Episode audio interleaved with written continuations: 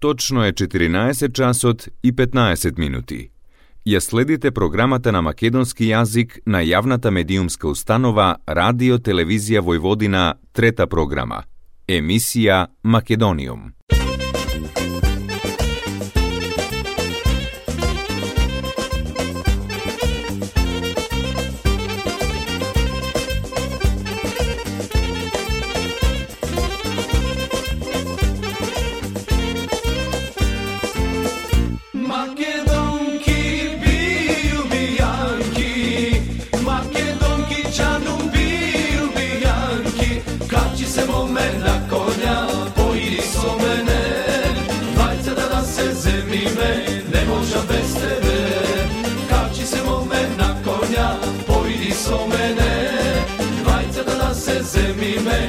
moja bez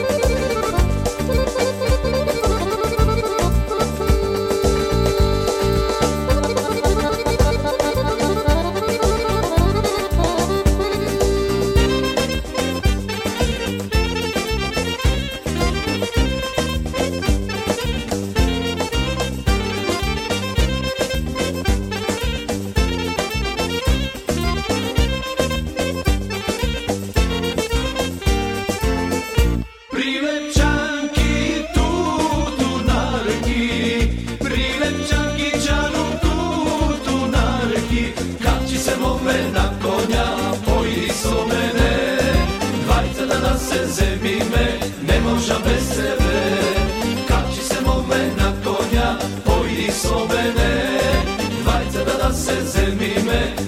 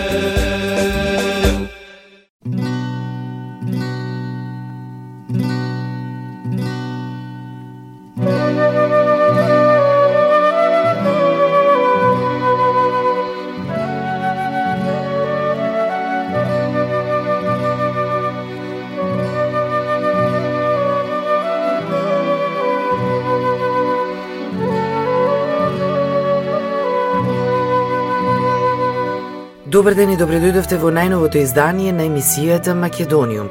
Поздрав до сите вас, почитувани слушатели, од вашиот уредник и водител Јулијана Милутиновиќ. Македониум е секоја среда со вас со почеток во 14 часот и 15 минути на третата програма на радиото. Македониум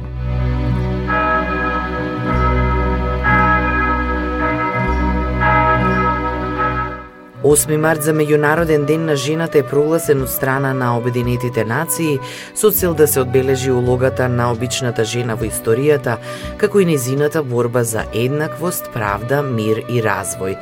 Клара Цеткин е една од учесниците на втората социјалистичка интернационала и Роза Луксемберг, марксистички филозоф и член на германската левица, кои ги поставиле темелите на меѓународното женско движење и последователните аспирации за економска, политичка и социјална еднаквост и го сменија светот со својата борба за правата на жените. Целта на овие две храбри пријателки била жените да добијат право на глас, да им се подобри положбата во општеството и да имаат еднакви плати со мажите. Нивната борба резултирала со назначување на Денот на жената, кој за прв пат се одбележал на 8 март 1909 година во Соединетите Американски држави.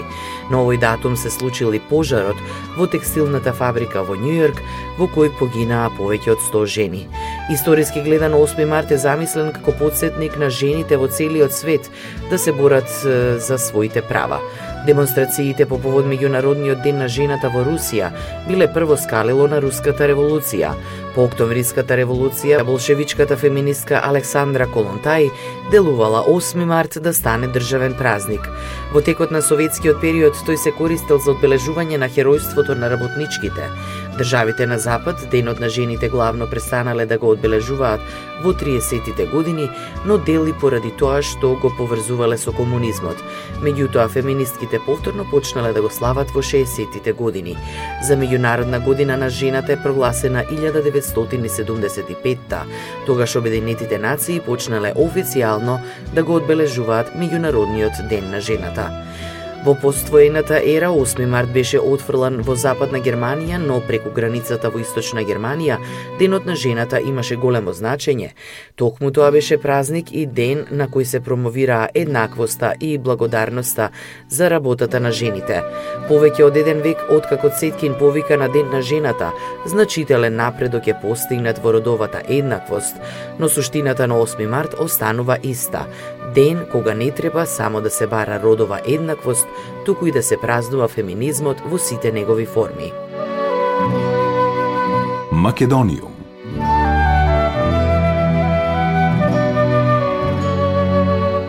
Делегацијата на Европската Унија во Скопје ја прогласи македонската ликовна уметница и планинарка Илина Арсова за Европска жена на годината.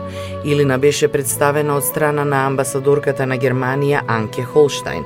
Покрај неа во изборот за Европска жена на годината учествуваа и докторката Маја Мојсова Миовска, представена од амбасадорката на Хрватска Ниве Стигањ, предприемачката Наталија Бургиева, представена од амбасадорот на Европската Унија Дейвид Гир, режисерката Дина Дума, представена од амбасадорката на Шведска Кристин Форсгрен Бенгстон, директорката на Националната галерија Дита Старова Керими, представена од амбасадорката на Романија Моника Аксинте.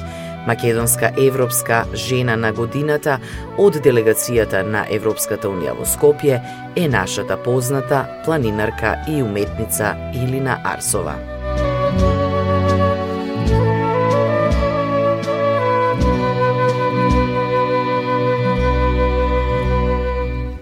Македониум.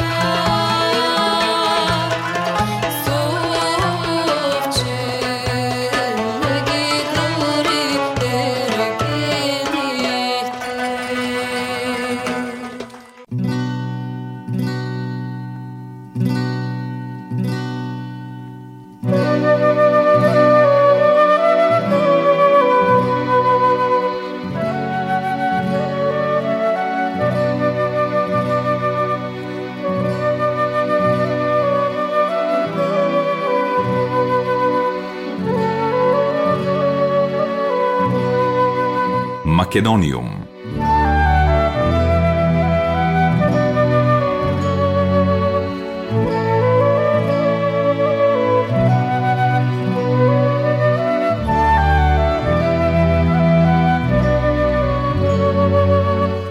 Минатата недела во Нови Сад, Европската престолнина на културата, на единствениот мултимедијален книжевен павилјон Селидби на душите, гостуваше македонската писателка и критичарка Румена Божаровска. На гостувањето покрај тоа што зборуваше за незините книги кои се преведени и во Србија, зборуваше општо за жените, феминизмот, правата на жените, говорот на омраза, за различноста, за тоа како нас од овие простори не доживуваат на Запад. Работите се менуваат полека, не може се тоа да се случи промените во тек на 10 или 20 години. Со самото тоа дека пред само 100 години воопшто не сме имале право да гласаме, да носиме панталони, да се разведуваме, да имаме свој посед или имот, многу работи не ни биле дозволени. Во периодот низ 100 години сме се избориле за своите права, но кога ќе се споредат 100 години со постоењето на целата цивилизација, тоа е многу малку, така што многу сме постигнале и не треба да не фрустрира тоа. На прашањето дали ни фали родна перспектива, повеќе родна перспектива и родов баланс во книжевноста, за женскиот глас во книжевноста, за кој во последно време многу се зборува, Румена рече Мислам дека е се повеќе присутен, мислам дека жените авторки на вистина многу се читаат, но исто мислам дека не се баш институционализирани. Повторно е тоа некако како за публика. Знам дека секогаш кога ќе кажам дека јас пишувам за жените и дека тоа се феминистички текстови, секогаш го добивам она, а тоа нешто сега модерно и капитализираш на тоа. Женските приказни не се толку битни, битни се некои епови. Мене не ме интересира што луѓето размислуваат за тоа всушност. Ако се лутат за тоа, супер. Мислам дека жените се се поприсутни и тоа е нормално, а и воглавно е публиката женска. Не знам како е кајва ситуацијата, но јас тоа го гледам емпириски низ искуство, дека жените повеќе читаат. Например, низ едно истражување во Германија се покажува дека 70% од читателската публика се жени, а 30% мажи.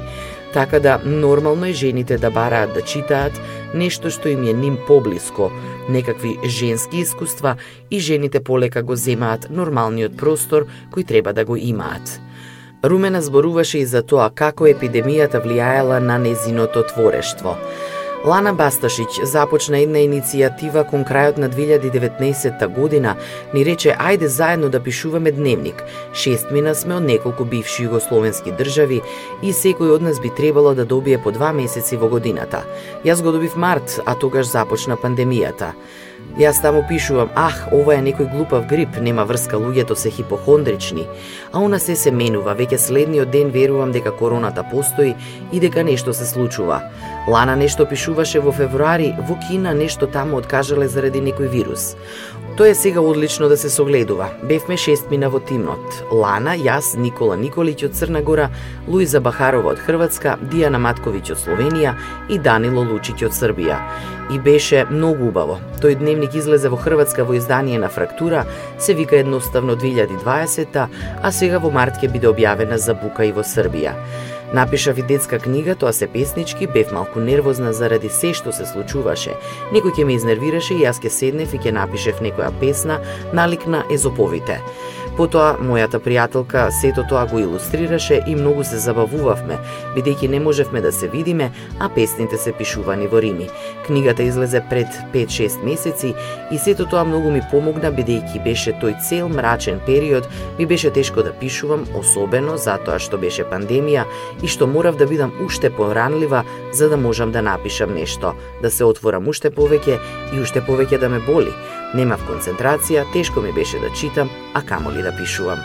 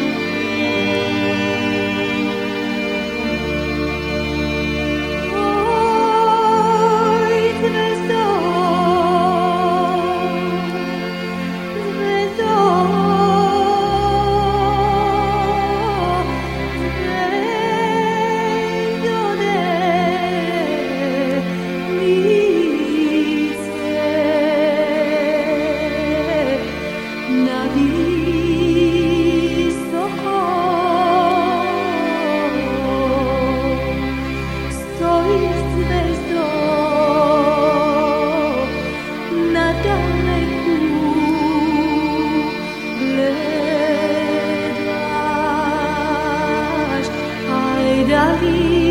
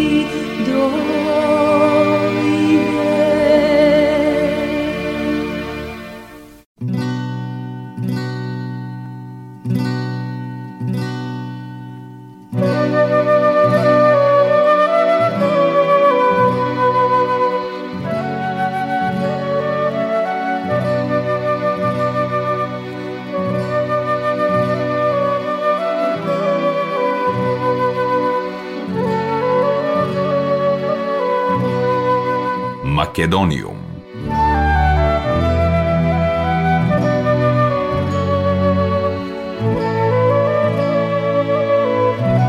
Филмот Сестри на режисерката Дина Дума, кој е и македонскиот кандидат за Оскар во категоријата меѓународен филм за 2022, ја доби наградата за најдобра режија на Фест International Film Festival во Белград. Младата македонска режисерка Дина Дума при врачувањето на наградата рече дека е особено среќна што пред публиката на Фест, бидејќи незиниот филм е зачнат токму во Белград пред 4 години. Во своето сообштение жирито изјави: Режисерката е наградена за својата вештина на водење и насочување на младите актери и фантастичното раскажување низ објективот. Филмот успеа да раскаже приказна за една доста значајна обштествена тема од нашето време и да поттикне диалог. Филмот Сестри имаше светска премиера на филмскиот фестивал во Карлови Вари, каде ја освои специјалната награда на жирито во програмата Источно Западот, а македонската фестивалска премиера беше на фестивалот за филмска камера Браќа Манаки во Битола. Филмот ни открива едно тинејџерско друштво во кое поважно е да се забавуваат следбениците на социјалните мрежи, отколку да се негува нормалното пријателство. Главните улоги ги толкуваат Антонија Белазелковска, Мија Жиро, Ханис Багашов, Мајлинда Косумовиќ и Верица Недеска. Продуцент на филмот е Марија Димитрова, сценариото го подпишуваат Дина Дума и Мартин Иванов, кинематографер е Наум Доксевски, монтажер Мартин Иванов, сценографијата е на Кирил Спасевски и Симо Бранов, костимите на Роза Трајческа Ристовска, шминката на Жанета Димитриевска, музиката е на Игор Василев Новоградска, а дизајнот на звук на Ристо Алчинов. Македониум Македониум.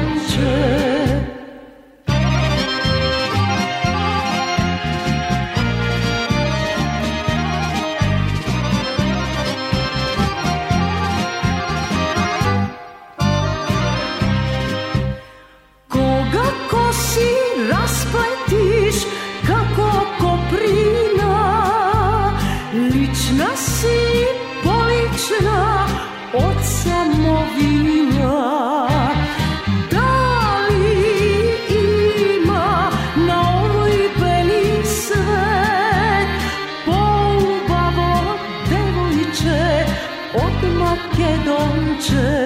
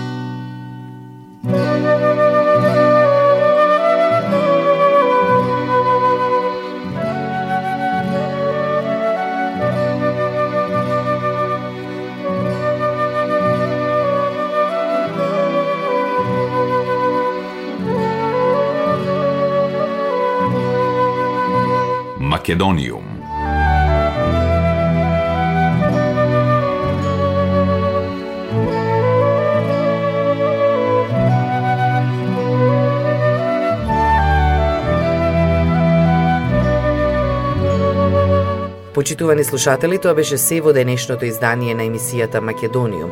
До следната среда во исто време, срдечен и голем поздрав од вашиот уредник и водител Јулијана Милутиновиќ.